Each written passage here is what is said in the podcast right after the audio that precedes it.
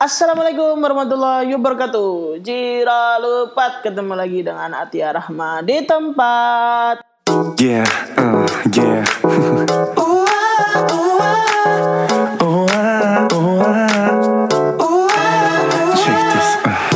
Assalamualaikum warahmatullahi wabarakatuh.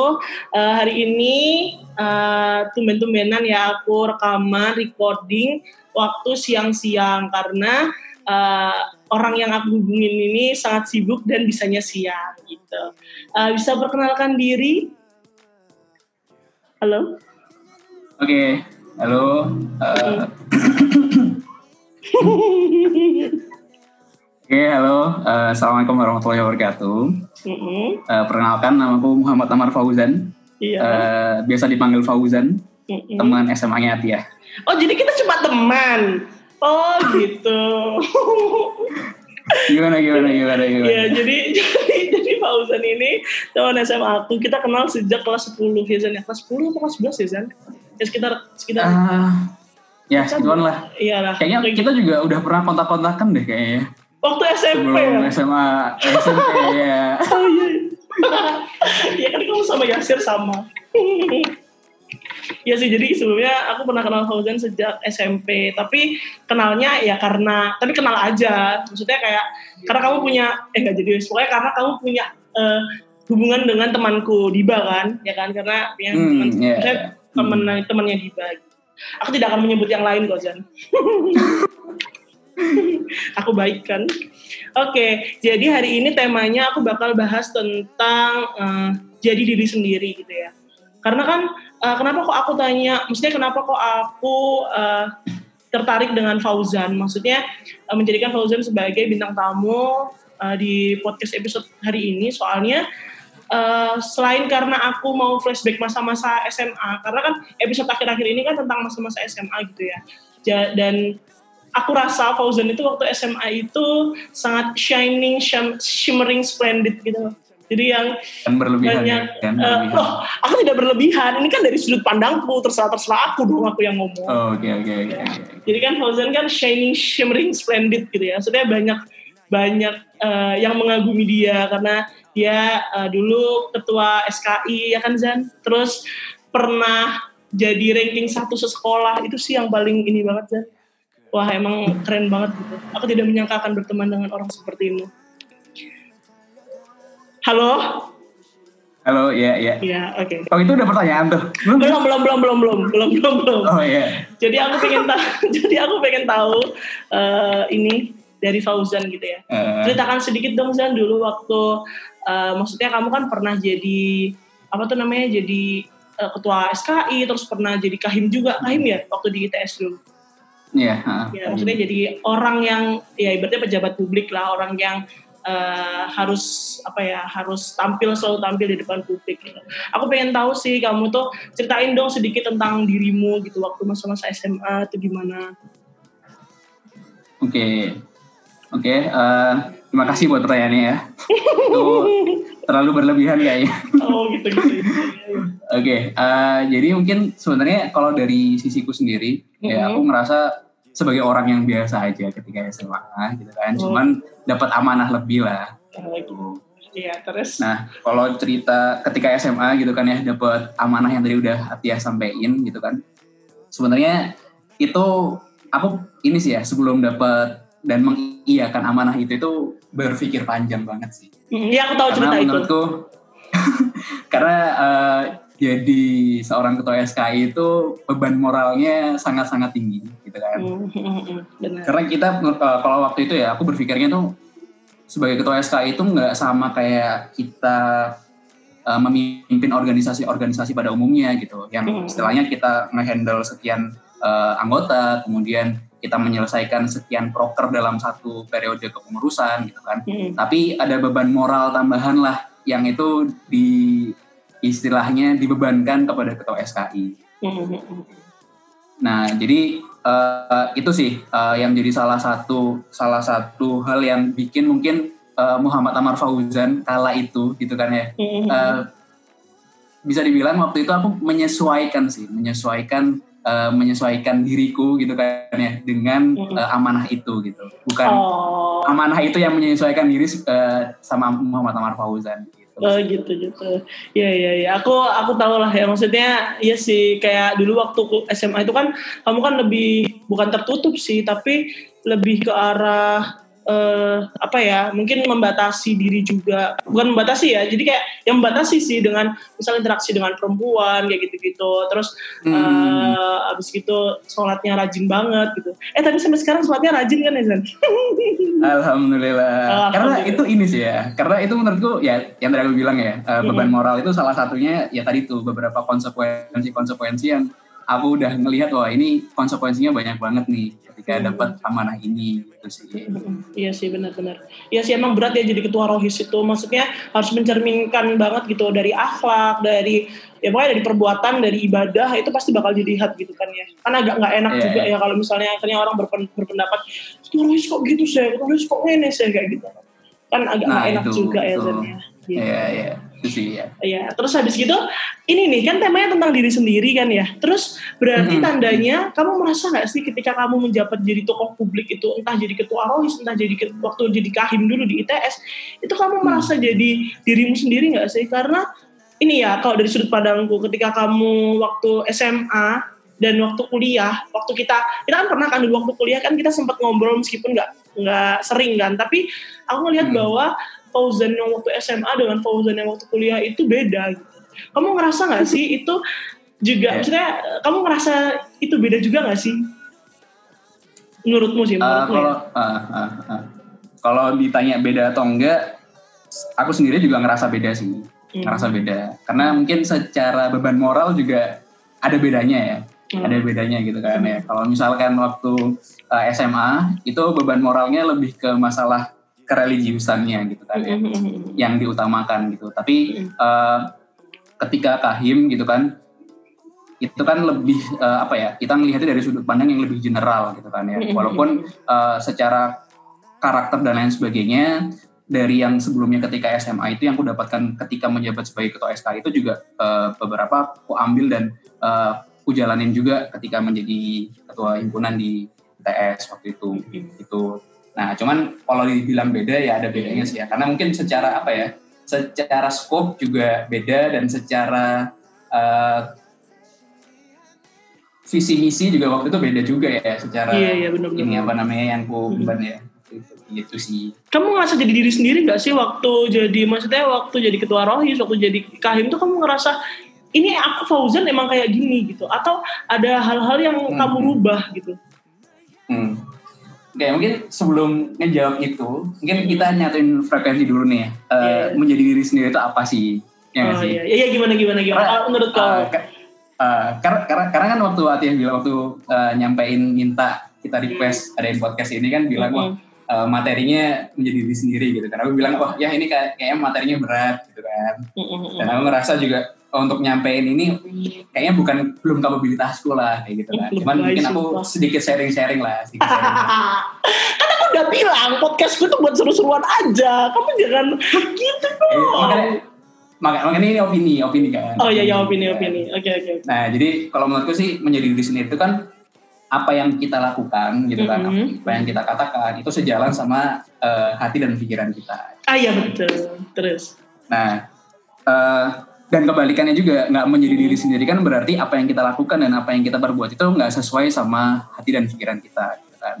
Nah, Eh, ketika ditanya waktu jabat sebagai ketua SKI ketika SMA terus kemudian menjadi ketua himpunan ketika kuliah gitu kan apakah aku menjadi diri sendiri atau bukan menjadi diri sendiri itu jawabannya bisa dibilang ya eh, di sebagian sisi aku menjadi diri sendiri dan sebagian eh, di sebagian sisi aku juga ngerasa aku bukan menjadi diri sendiri gitu karena eh, yang tadi aku bilang ya eh, Mhm. untuk mendapatkan satu amanah kan pasti ada konsekuensi-konsekuensinya kan Mhm. Kalau misalkan sebagai ketua SKI gitu kan ya gimana Mhm. caranya kita eh, harus berinteraksi sama orang lain gimana kita juga menjaga hubungan sama lawan jenis dan lain sebagainya terus Mhm. mungkin ketika menjadi ketua himpunan gimana caranya kita menjalin relasi dengan eh, dosen-dosen Iya iya. kemudian dengan apa namanya eh, organisasi-organisasi lain gitu kan nah Mhm. itu eh, itu bikin bikin pada satu sisi aku menjadi Muhammad Amar Fauzan yang seperti itu memang gitu kan. Tapi Mhm. di sisi lain aku dituntut untuk menyesuaikan dengan amanah yang aku emban sih.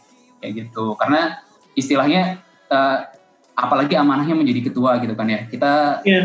Eh, ngehandle sekian eh, sekian anggota yang itu Mhm. sekian anggota itu punya begitu banyak karakternya masing-masing gitu kan Mhm. pasti pada Mhm. satu sisi kita punya ada konflik batin lah ketika ada dinamika kan kalau misalkan kita berorganisasi pasti Atia, Atia juga ngerasain kan Iya, iya, iya. ketika berorganisasi nah itu eh, ya sedikit banyak aku ngesesuaiin sih ngesesuaiin dengan kondisi dan eh, konteksnya seperti apa kayak gitu Hmm, iya, iya, iya. iya. Berat ya Zan bahasannya ya Allah. Tahu gak sih kamu dengerin podcastku kan ya? Baru kali ini loh aku ngomong berat. Iya. Iya, Karena udah bilang kan, wah ya kayaknya ini deh, kayaknya nggak cocok nih kalau misalkan aku ini takut garing gitu kan. Kamu selalu cocok Zan di, ma- di mataku kamu selalu cocok tenang aja. Iya, ya, wow. gitu ya. Oke. Jadi Hmm. mungkin gitu sih jawabanku. Nah, terus kalau menurutmu ya, berarti kan ke- ketika menjadi uh, tokoh publik, otomatis kan kita pasti bakal menaikkan uh, branding diri kita, ya nggak sih? Maksudnya itu Hmm. ya secara nggak langsung kamu dengan berperilaku seperti itu, berarti kan kamu membranding dirimu untuk, maksudnya menaikkan apa ya, menaikkan apa ya kualitas dirimu gitu loh, paham nggak sih? Biar dilihat oleh orang banyak bahwa aku tuh seperti ini, aku tuh seperti ini kayak gitu. Hmm. Gitulah intinya kayak Hmm. personal branding lah. Personal branding itu menurutmu penting atau enggak sih? Kalau menurutmu ya. Kalau menurutku sih Hmm. penting gitu kan. Selain Hmm. untuk uh, uh, apa? Selain untuk orang lain nilai kita seperti apa, bisa jadi juga buat cari jodoh juga sih Zan. Maksudnya kayak akhirnya, wih gila ya keren gitu. Setuju, tuh setuju, gini, setuju, setuju. Bener gak Zan? Setuju, setuju. Ah iya, oke Ah. setuju. betul betul. Kalau menurutmu penting gak Oke. sih Zan? Kalau menurutku penting sih ya, penting, penting. Oh, Eh, penting. Karena gini, nggak nggak cuma dalam konteks kita berorganisasi ya. Kalau Hmm. konteksnya tadi apa namanya organisasi, Mm-mm. eh, di kehidupan di, gitu- di kehidupan kita pun juga penting sih. Dalam artian contoh misalkan ketika kita mahasiswa gitu kan, gim- gimana kita menciptakan personal branding kita di kelas kepada Hmm. teman-teman gitu kan, kepada dosen gitu kan. Mm-mm. Itu ngaruh sih. Ngaruh. Contoh contoh konkretnya gini deh. Misalkan eh, personal branding ketika kuliah ya. Kita Hmm. nunjukin kalau misalkan kita adalah orang yang suka telat, terus habis itu suka tidur ketika di kelas. Eh Itu kamu kan jangan nyebutin personal- aku ya. Terus, Oh gitu. Nggak bilang ya. eh, iya. Nah, itu kan secara nggak langsung teman kita bisa menilai si orang itu adalah orang yang katakanlah eh, malas-malesan gitu kan, Oh. kurang kooperatif kalau misalkan diajak kerja kelompok. Nah, kalau misalkan ada kerja kelompok kan akhirnya orang itu menyimpulkan wah jangan kelompokan sama si A nih, kayaknya dia kayak gitu kurang kooperatif Iya, kalau benar, misalkan eh, kerja kelompok gitu. Pun juga itu kalau kuliah nih, kalau misalkan kerja pun aku juga ngerasain sih personal branding itu penting banget gitu kan. Mhm. Gimana caranya kita membangun eh, hubungan sama kolega kita, sesama teman Mhm. kantor, sesama atasan gitu. Itu Mhm. cukup eh, bikin kita dapat benefit lebih sih, kayak gitu. Begitu. Gitu, iya iya oke oke. Berarti emang penting ya ya personal branding. Ya diingat itu teman-teman bahwa aku mengganti namaku gitu ya. Aku pindah jauh ke UB biar personal brandingku itu terbranding dengan baru gitu loh. Luar biasa. Dan berhasil Iya. ya? Eh ya nggak Kayaknya dari hits. UB ya? ya gitulah. Enggak sih padahal. Enggak, enggak, enggak, enggak. Jadi terus aku eh, ngerasanya gini sih, berarti kan kalau personal branding itu eh, tandanya tuh kayak kamu ngerasa jadi orang yang munafik gak sih Zan? Maksudnya gini, maksudnya gini, munafik itu dalam artian ya munafik kan eh, ketika seseorang itu eh, kalau kita berbicara tentang agama ya, tentang di Mhm. dalam terminologi dalam Islam itu kan kalau munafik itu sebenarnya merujuk pada mereka itu yang berpura-pura ikut ajaran Islam tapi sebenarnya hati mereka itu nggak apa ya kayak memungkiri gitu loh kayak enggak deh Hmm. maksudnya enggak kayak tapi aku tuh pengen dinilai sebagai orang yang yang sangat agamis gitu padahal sebenarnya hatinya itu enggak banget gitu kamu ngerasa nggak sih kalau personal Hmm. branding itu kadang bikin kamu jadi orang yang munafik kalau Hmm. menurutmu gimana Zan? Eh, mungkin aku punya perspektif lainnya ya. Eh, Ah. Jadi gini, eh, kalau kita bicara personal branding itu Hmm. sebenarnya tergantung sama niat gitu kan. Itu Ah. semua tergantung sama niat sih. Kalau misalnya Ah. kita ngelihat dari sisi positif sama negatifnya, sebenarnya dua-duanya juga bisa gitu kan. Mm-mm. Mungkin kalau misalkan yang terkenal sekarang, gitu kan, kalau dari sisi sentimen negatif kan kita kenal istilah pencitraan gitu kan. apa istilah apa Pencitraan. ah iya benar-benar pencitraan Nah kayak gitu kan. Nah cuman Hmm. kalau dari perspektifku sebenarnya personal branding itu ya tergantung sama niatnya gitu kan. Balik lagi sama apa yang diajarkan di Islam gitu kan ya. Eh, semua itu kembali kepada niatnya gitu kan. Mm. Ya jadi eh, sebenarnya itu bisa dari dua sisi sih. Makanya kalau misalkan kita mau ngelihat dari sisi positifnya bisa, kita mau Mhm. lihat dari sisi negatifnya bisa gitu. Dan kita nggak bisa cuman tutup eh, sebelah mata aja kalau misalkan ya semua personal branding itu berarti kita munafik sama diri eh, diri kita sendiri, kita nggak menjadi diri kita sendiri. Tapi menurutku nggak juga sih, tergantung balik lagi, tergantung eh, dari niat kita sebenarnya kenapa sih kita mau mempersonal eh, mem- nge-brandingin diri kita itu sebagai sosok yang X gitu. Hmm, paham, paham. Iya, ya, aku baru, iya, iya, maksudnya, ya sedikit banyak mungkin akhirnya aku, wah ya, eh, kalau personal branding itu penting dan lagi-lagi kembali ke niat. Maksudnya, eh, ya niat kita tuh ingin menjadi seseorang yang seperti apa gitu. Kamu ngerasa nggak sih ketika misalnya nih kita membranding kayak kamu tadi kan cerita jadi ketua rohis akhirnya eh, dari segi akhlak dan ibadah kamu mulai memperbaiki diri gitu dan akhirnya kebawa kan Ya. sampai akhirnya kamu jadi Hmm. kahim gitu. Berarti kan Betul. maksudnya ternyata uh, personal branding di waktu sebelumnya itu pas yang baik-baik itu pasti bakal kayak kebawa gitu gak sih kayak Ya. uh, Hmm. akhirnya kebawa jadi oh iya mungkin aku jadi orang yang lebih baik gitu ya nggak sih Zan meskipun awal-awalnya kayak ngerasa aduh personal branding itu susah banget gitu ya maksudnya merubah image kita yang dulu seperti ini menjadi seperti ini tapi secara nggak langsung itu kayak ini ya kayak apa ya kayak hijrah gitu mungkin ya hijrah bisa dibilang hijrah nggak sih? Ya sih? Ya, eh, ya mungkin aku bisa bilangnya ya bisa dibilang hijrah lah atau mungkin Mm-mm. bertransformasi gitu kan ya. ah iya Yang mungkin- transformer yang nah yang mungkin awalnya kita ngelakuin itu secara keterpaksaan gitu Ah, kan iya, iya, nyaman ada konflik batin tapi Ah, ah, ah. ketika kita ngerasa bahwa apa yang kita lakuin itu ternyata oh iya ya emang benernya itu sebenarnya kayak gini gitu kan Mhm. ya itu akhirnya jadi karakter dan uh, emang habit kita gitu kan yang kita Mhm. yakinin dan akhirnya kita lakuin uh, seterusnya kayak gitu. Karena aku yakin sebenarnya menjadi diri sendiri dan uh, mungkin personal branding itu Mhm. sebenarnya bisa dirubah sih ya dalam artian gini contoh misalkan tadi Ateh bilang nih punya mindset X di ketika di Surabaya terus akhirnya pengen Mhm. hijrah ke ke Malang nah mungkin apa punya punya punya punya eh, punya contoh sederhana kayak gini misal nih kita punya teman gitu kan teman kita itu terkenal nakal banget gitu ya Iya, terkenal iya. nakal banget gitu kan terus akhirnya ya udah semua orang nge-mentionin dia eh, personal brandingnya tuh eh, personal brandingnya adalah anak yang nakal gitu kan orang baik kayak gitu Ah, lah. ah, ah.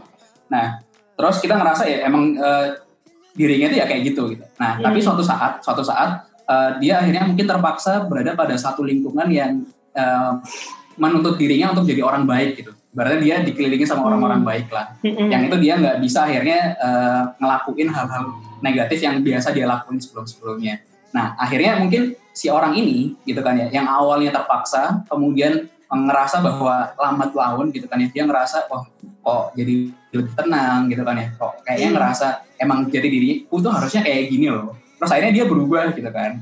Nah, akhirnya dia eh, yang awalnya adalah sosok yang nakal, aku yakin bisa jadi eh, menjadi sosok yang baik. Gitu. Jadi menurutku eh, setiap orang itu bisa berubah sih yang tadi Atia bilang mungkin istilahnya hijrah gitu atau bertransformasi. Gitu kan. Iya. Yang mungkin pada awalnya itu bukan dirinya gitu kan. Kita ngelihat Iya. eh, ketika sekian tahun, ini kayaknya bukan dia yang dulu deh kayak gitu kan. Mungkin sering sering sering ini kan, sering sering sering nemuin hal-hal kayak gitu kan. Iya, iya. Ya aku juga Iya. menemukan itu di kamu gitu. Kadang ini kayak Zen gak gini deh. Eh ternyata Maksudnya seiring berjalannya waktu coy. Kita udah kontak gak lama. Maksudnya kontak udah lama banget gak kontak gitu kan ya. Jadi kayak aku kadang Iya, ngerasa iya, iya. kamu ada agak sedikit berubah sih. Tapi ternyata nggak juga sih. Nggak, nggak berubah-berubah banget sih. Setelah aku mendengarkan kamu ngomong ini. Ya, emang Oh gitu ya. Berarti sebelum-sebelumnya ngerasa berubah ya? Eh, mungkin sih waktu dulu waktu kamu di kampus dan itu agak aneh sih Oh, iya, tapi iya. sekarang enggak kayak ngomong apa sih ya Allah sorry loh Zan Oke. Aku ini sih langsung aja kan, karena kemarin kan baru pertama kali aku ini menurutku sesi yang cukup serius ya. Jadi aku bikin uh, question and answer di IG ku, ya kan. Aku pingin, Oh, iya, aku pingin orang-orang Berapa ratus ribu ya yang Ya itu? alay, Yang tanya? berapa ratus ribu. Nggak usah gitu deh, antum.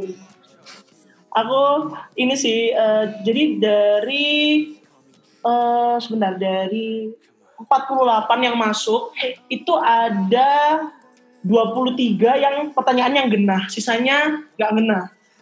Ya Oh, you know iya. lah ya Zan, pertanyaan nggak genah itu pertanyaan Oke, yang oke. seperti Kita apa? jawab yang genah-genah ya berarti ya. Ya, kita jawab yang genah-genah. Kita nggak usah jawab yang nggak jelas-jelas itu. Eh, jadi ada dari ini salah satu temenku tanya kan, gimana caranya biar nggak kebawa arus lingkungan baru? Kayaknya dia lagi, maksudnya baru dapat kerja, maksudnya baru menyesuaikan diri dengan lingkungan kerja yang baru kayak gitu kan. Tapi dia tetap Hmm. pengen jadi dirinya sendiri. Itu gimana Zan? Caranya kalau menurutmu? Oke. Eh, menurutku nggak ada jawaban yang saat kayak ya. Hmm. balik lagi, eh, mungkin ini dari pengalamanku aja ya aku Hmm. sharingin. Eh, lingkungan itu jadi salah satu faktor yang emang paling besar pengaruhnya sih untuk Ngerubah diri kita mungkin dari sosok yang A jadi sosok yang B gitu. Hmm, Nah, gimana? terus kalau misalkan kita eh, punya keinginan untuk menjadi diri kita sendiri di suatu lingkungan itu eh, cukup sulit, itu cukup sulit. Hmm. tapi itu bisa. Bisa dalam artian gini.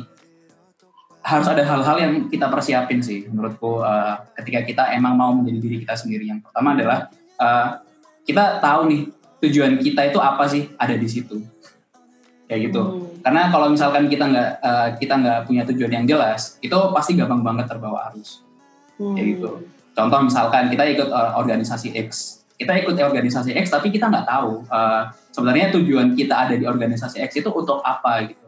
Ya pasti eh, aku yakin kita sebagai orang yang eh, masuk organisasi itu akan terbawa arus lingkungan yang ada di organisasi itu. Jadi pastikan dulu eh, sebenarnya tujuan kita itu apa sih ada di lingkungan itu terus yang kedua eh, mungkin sederhananya adalah kita harus berpegang sama ini sih dasar-dasar keimanan kayak gitu Hmm. karena aku ngerasa banyak juga cerita dari teman-teman gitu kan ya apalagi kalau misalkan di Jakarta gitu kan lingkungannya cukup keras gitu kan Hmm. dinamikanya banyak gitu gitu kan. Eh, basic eh, keagamaan itu penting sih basic keagamaan itu penting Iya betul. aku bukan bilang bukan bilang kita harus sangat-sangat berilmu ya. Enggak tapi paling enggak eh, basic secara keagamaan itu kita paling enggak tahu mana yang halal mana yang haram.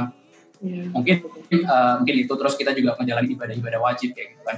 Itu sedikit banyak bisa bikin kita eh, paling enggak punya satu apa ya prinsip lah bahwa sebenarnya kalau misalkan kita ngelakuin ini itu eh, baik atau enggak sih kayak gitu. Karena nggak semua lingkungan itu kan selalu negatif kan. Pasti ada Hmm. positifnya lah kayak gitu kayak gitu. Nah mungkin itu sih dua dua dua itu eh, yang biasanya aku jadiin sebagai pedoman sih. Kalau misalkan aku ada pada lingkungan yang baru itu yang pasti yang pertama aku pastiin dulu tujuanku apa ada di situ. Terus yang kedua eh, aku tetap ngebawa prinsip-prinsip eh, prinsip-prinsip ke- keislaman lah. Paling enggak seminimal mungkin kayak gitu kan dasar-dasarnya kayak gitu. Mana yang baik mana yang buruk kayak gitu. Masya Allah. Inilah Fauzan yang aku kenal. Terus ada lagi nih Ya. Zan yang nanya. eh, cara menerima bahwa we are who we are. Gimana ya itu pertanyaannya? Cara menerima bahwa we are who Hmm, we are. kita Jadi adalah kayak, diri kita sendiri ya, gitu ya. ah, ah, kayak gitulah. Oke. Eh, ini jujur ya ya. Jadi salah satu pertanyaanku juga sih setiap apa namanya eh, ngerenungin gitu kan ya mau sabar Hmm. diri lah. Eh, sebenarnya siapa sih aku gitu kan? Kamu Fauzan? Kadang kita Soalnya itu menurutku pertanyaan yang sulit ya. Pertanyaan Iya, dalam artian gini, kita kadang-kadang berpikir sebenarnya kita untuk apa sih ada di dunia gitu kan ya. Eh, dan dulu ini ini true story ya. Eh, salah satu salah satu kayak apa ya? Kita kan dulu kayak punya quote-quote gitu nggak sih kalau misalkan kata waktu aku SMA gitu aku kayak punya quote gitu jadi quote itu ada dua be the Apa? best and be yourself Iya, iya, iya. Terus? nah nah terus ya intinya aku ngerasa kalau misalkan eh, kita mau eh, balik lagi ke pertanyaannya sebenarnya kita tuh siapa itu Hmm. balikin lagi sih kalau misalkan dari dari dari aku ya itu Hmm. ke eh, apa yang udah difirmankan Allah di Al-Quran gitu kan ya kalau misalkan tujuan kita itu sebenarnya adalah untuk beribadah Hmm. Hmm. kayak gitu berarti emang kita itu eh, di dunia ini dilah- dilahirkan untuk beribadah kepada Allah kayak gitu kan itu itu itu itu pada itu eh, itu yang pertama terus yang kedua eh, kita harus yakin sih kalau misalkan kita itu adalah manusia yang diciptakan Allah dengan sempur, eh, kesempurnaan yang Allah ciptakan kayak gitu Hmm. dalam artian kesempurnaan itu pasti ada kelebihan yang kita punya gitu. maka gali sih eh, apa sih kelebihan kita gitu kan sehingga kita tahu eh, untuk apa kita hidup dan bagaimana kita bisa mengoptimalkan uh, diri kita ini untuk bermanfaat lingkungan sekitar. Masya Allah. Dan aku puasa tapi aku kayak abis minum air segalon gitu loh, San. Seger bener. Waduh, waduh, waduh, waduh. waduh. ya mungkin, uh, ya mungkin akhirnya dua, dua hal ini kalau misalkan kita elaborasikan, akhirnya kita bisa tahu sih sebenarnya uh, siapa sih diri kita kayak gitu. Dan untuk apa sih kita hidup. Tapi yang pasti, yang aku juga dulu pernah rasain ya, aku pernah ngerasa, uh, pernah dalam kondisi, uh, kayak, apa namanya, kenapa ya aku kayak gini, kayak gitu. Dalam artian, uh, pernah lah ada penyesalan-penyesalan dalam diri itu kan ya pasti wajar kayak gitu kan. Mm-hmm. Tapi coba dibalikin lagi, pasti Allah itu ngeciptain kita lahir di dunia itu pasti dengan satu tujuan sih. Aku uh, itu yang perlu kita yakini dan imani sih. Kayak gitu. Masya Allah. Wow. Ada tinggal dua lagi ya, dua lagi. Ini menurutku dari, misalnya aku ngerangkum pertanyaan-pertanyaan yang bagus-bagus aja sih. Pertanyaan ketiga, pernah nggak ngebohongin diri sendiri dan merasa hal itu adalah pilihan yang terbaik? WKWKWK. ngebohongin diri sendiri. Jadi merasa itu adalah pilihan yang baik. Jadi kayak misal nih uh, kamu kamu tuh orangnya nggak kayak gini, tapi yang terbaik itu seperti ini kayak gitu. Paham gak sih Zan? Hmm, oke oke oke. Jadi kayak uh, sebenarnya hati dan pikiran itu ngerasa itu uh, orang baik gitu ya, tapi iya, iya. tetap lakuin gitu. Iya iya. Uh, mungkin ini sih, aku cerita pengalaman aja ketika SMA kali ya. Ya aku pernah ngerasain. Iya nih aku seru kalau cerita-cerita masa SMA, terus-terus. nah, uh, kan kita kan ada di satu organisasi yang sama lah ya, di iya, iya. OSIS MPK gitu kan ya, sama SKI. Nah, uh, tau lah kalau uh, kalau di di OSIS itu kan kita punya segudang program kerja kan. Terus kita juga ada di SKI itu kita punya program kerja besarnya SMC gitu kan. Nah, uh, dan entah kenapa gitu kan ya aku mesti sering ada di posisi sebagai sponsorship oh iya gitu. iya iya, iya. tahu nggak nah. sih Zan tahu nggak Zan itu kenapa oh, tahu nggak alasannya kenapa, kenapa? jadi gimana, gimana? oh kenapa kamu harus jadi sponsorship jadi itu kan anak-anak kan aku udah bilang ya jadi gini gini re yang hmm. mendengarkan ya bahwa Fauzan itu ketika SMA itu tadi aku bilang shiny, shimmering, splendid gitu ya. Jadi yang shine bright yang luar biasa gitu loh. Jadi ketika okay. ketika kamu ngomong, kamu gak usah nahan ketawa. Kalau mau ketawa ketawa aja. Terus habis gitu jadi kayak apa ya orang-orang tuh akhirnya uh, ngerasa ketika Fauzan ngomong itu kayak terbius bukan terbius sih maksudnya jadi kayak oh iya ya bener ya oh iya ya gitu jadi akhirnya uh, hmm anak-anak itu dulu memutuskan udah Fauzan tuh taruh di sponsorship aja. Apalagi kamu itu kan waktu dulu tuh kayak dinilai oh ibadahnya tuh luar biasa gitu. Jadi siapa tahu kan bisa kalah gitu dengan maksudnya orang-orang yang awalnya nggak mau bisa tersihir uh, dengan omongan dan uh, uh, ibadahmu gitu. Itu sih itu itu fun fact itu fun fact aja sih. Lanjut oh, fun fact. Oke oke oke jadi nah, kamu jadi sponsorship terus? Nah sponsorship nih. Nah pernah suatu saat itu uh, di periode kita mm -hmm. itu tuh aku pernah datengin satu dua rumah gitu ya mm -hmm. itu dua sampai tiga kali ya untuk ngajuin proposal uh, proposal yang berbeda dong dan itu secara hati nurani kayak ngerasain dong kayak kita uh, datang ke satu rumah gitu kan ya mm. uh, dengan periode yang mungkin uh, sebulan yang lalu kah atau tiga bulan yang lalu juga pernah ke sini gitu kan ya mm. dengan ngajuin proposal yang berbeda gitu kan mm. ya itu sedikit banyak jujur aku dalam hati ngerasa aduh nggak bisa nih kayak gini kayak gitu kan tapi uh, karena kalau misalkan kita nggak ada dana juga program kerja kita juga nggak jalan gitu kan ya. Akhirnya uh, dengan sedikit keterpaksaan gitu kan ya aku hmm. ngejalanin itu sih kayak gitu. Ya demi teman-teman lah program hmm. kerja juga jalan dan lain sebagainya kayak gitu. Makanya sebenarnya juga sempat nyampein ini gitu kan ke Itkon sebagai ketua osis gitu. Ya Itkon! Halo Itkon jadi aku udah cerita juga ke Itkon, kon kayaknya aku ngerasa nggak sehat deh kalau misalkan kita tuh uh, di Semada gitu kan ya punya segudang program kerja gitu kan, OSIS mm -hmm. punya uh, sekian program kerja gitu kan, SKI juga ada SMC, terus Pabrasga juga ada program kerja gitu kan ya, yang mm -hmm. itu juga perlu dana yang besar kayak gitu kan, mm -hmm. dan itu diselesaikan dalam satu periode kepengurusan gitu kan, mm -hmm. itu wah apalagi DAF gitu kan, wah budgetnya ratusan juta gitu kan. Mm -hmm itu ini sih menurutku kayaknya perlu untuk di manage sih. Maksudnya kayak mungkin dibuat dua tahunan sekali kah atau kayak gimana kayak gitu kan. Yang penting uh, intinya uh, ya sponsorshipnya berjalan lebih sehat aja sih menurutku kayak gitu. Karena sungkan ya.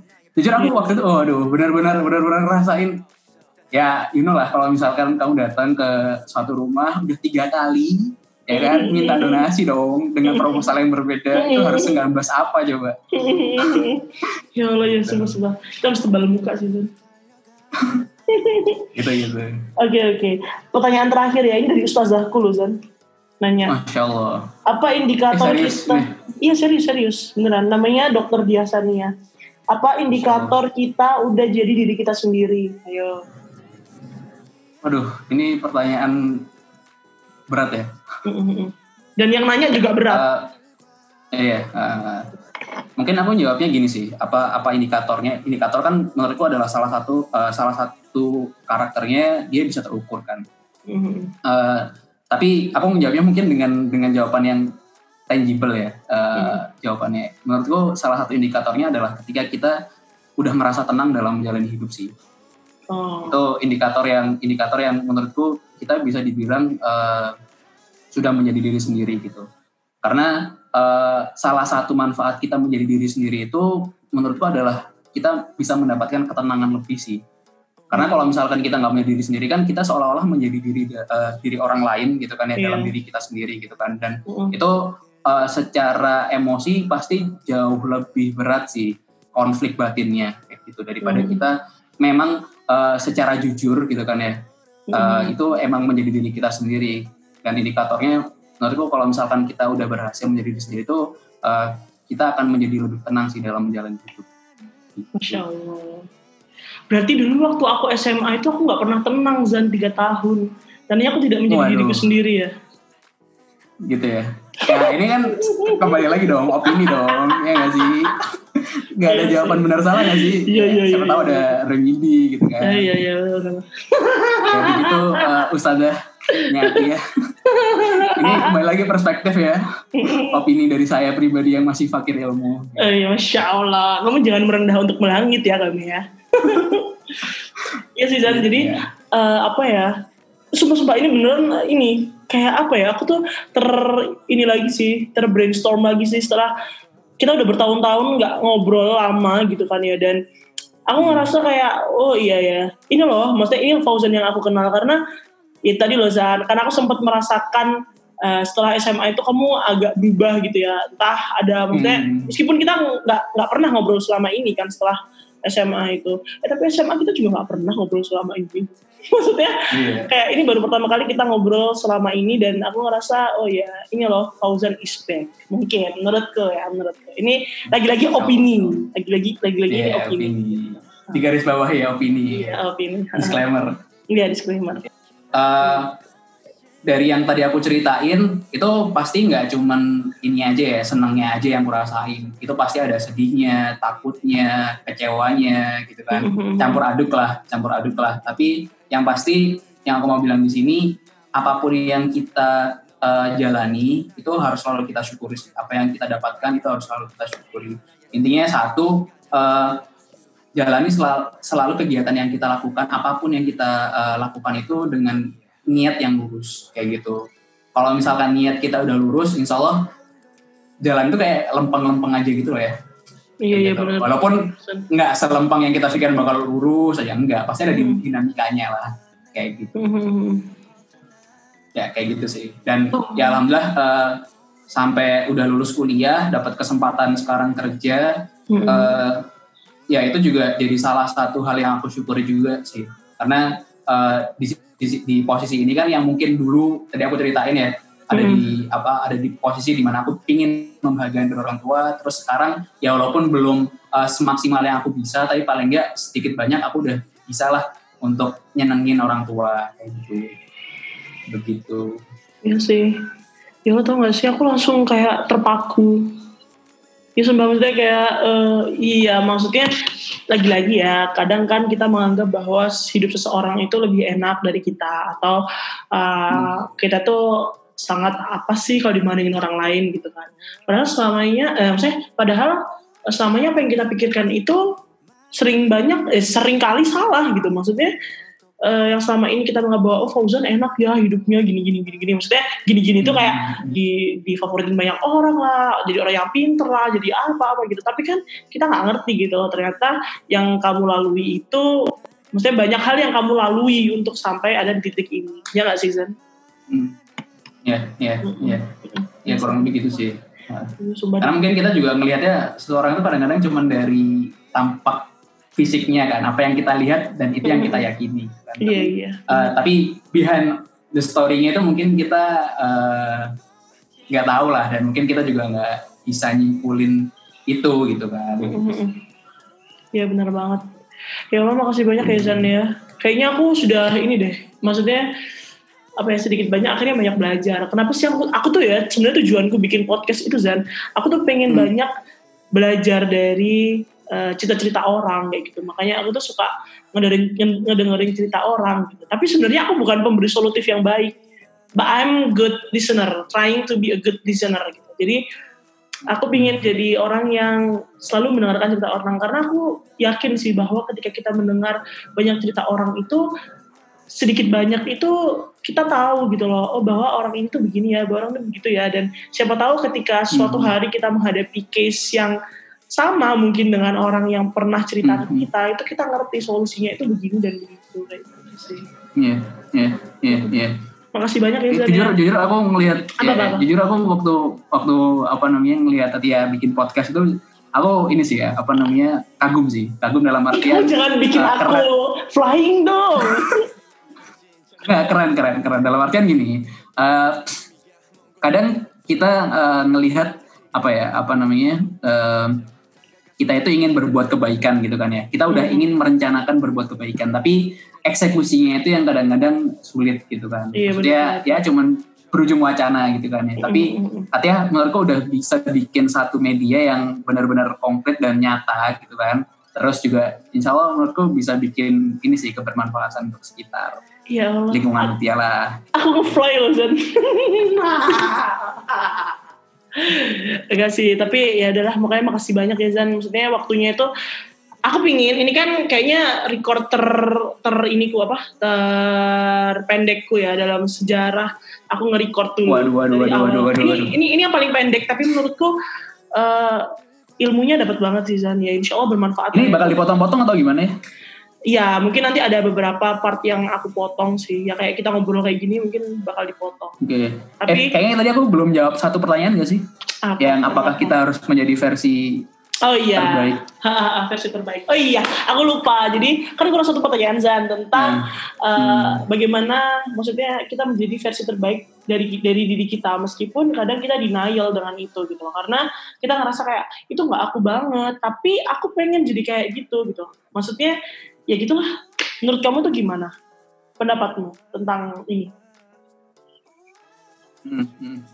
Eh, Oke, eh, menurutku gini sih, apa namanya? Apakah kita harus menjadi versi terbaik eh, dari diri kita? Itu Mm-mm. jawabannya iya, dan itu wajib sih, karena itu juga eh, jadi salah satu ini kan apa namanya? Mungkin di beberapa ceramah-ceramah juga sering untuk disampaikan gitu kan ya. Kalau misalkan kan eh, kita sebagai manusia kan tergolong dari tiga golongan gak sih ya? Mungkin nanti juga tahu lah. Kalau misalkan yang pertama itu ada golongan orang-orang yang eh, merugi gitu kan ya. Mm-mm. Apa itu orang yang merugi? Orang yang merugi kan dia adalah eh, dia yang sama dengan dia hari ini itu sama dengan dia yang sebelumnya sebelumnya. kayak gitu. Itu tergolong menjadi golongan orang yang merugikan. Mm-mm. Terus ada golongan orang yang celaka. Apa itu golongan orang yang celaka? Orang yang celaka itu kan orang yang hari ini itu lebih buruk daripada hari yang sebelumnya. Itu orang-orang celaka. Tapi ada golongan yang ketiga nih. Golongan tiga, apa itu golongan ketiga? Yaitu orang-orang yang beruntung. Orang-orang beruntung itu orang yang dia hari ininya lebih baik daripada hari-hari sebelumnya Sebelumnya. kayak gitu. Nah, apa apa hikmah yang bisa kita petik dari eh, apa namanya eh, case ini gitu kan? Itu menurutku adalah Islam itu ngajarin kita untuk selalu menjadi versi terbaik eh, dari diri kita setiap harinya sih.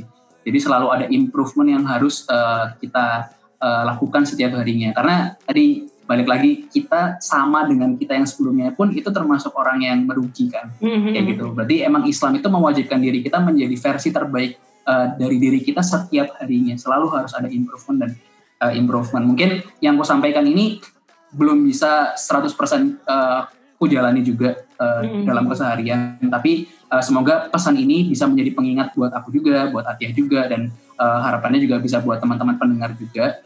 Mm-mm. Uh, intinya Islam itu udah mengajarkan satu hal yang indah sih kayak gitu dan salah satunya memang kita emang wajib loh untuk uh, menjadi versi terbaik dari diri kita gitu. Iya, insya Allah. Ya Allah, ya Allah, ya Allah, aku mimpi apa semalam diceramahin ya Allah. Ya Allah Zan, ya Allah, makasih banget. Uh, ini ini bukan ceramah sih kayak cuman apa namanya? Oh, sharing, kan sharing. Harapannya sharing gitu kan, Mm, mm, sharing.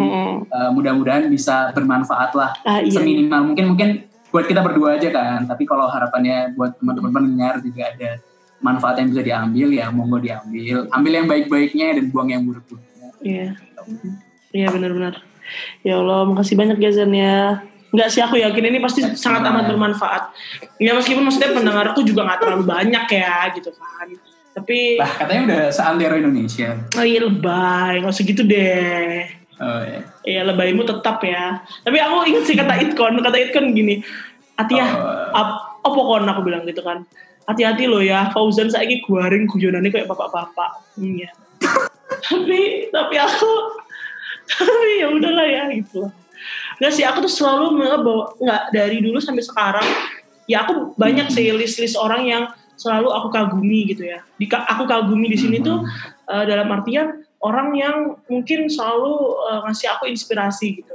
Dan kamu tuh selalu masuk dalam list itu gitu loh Zan. Aku selalu menganggap bahwa eh, seorang Fauzan itu adalah eh, orang yang bisa ngasih inspirasi buat aku terutama. Dan ternyata juga banyak menginspirasi orang banyak kayak gitu. Insya Allah, insya Allah. jadi ya Masya Allah sih. Ya, makasih ya Zan ya. Maaf loh kalau misalnya ya, sama-sama. puasanya kamu harus memaksa ngelak-ngelak gitu loh untuk sama aku. Aku aku aja ngelak cong gigi, sumpah ngelak aku. Astagfirullahaladzim puasa. Enggak padahal. Eh ya tanya dong. Apa? Apa apa? Eh ini udah selesai, udah selesai. Udah udah udah udah. Oh, udah. Yeah, girl, come on.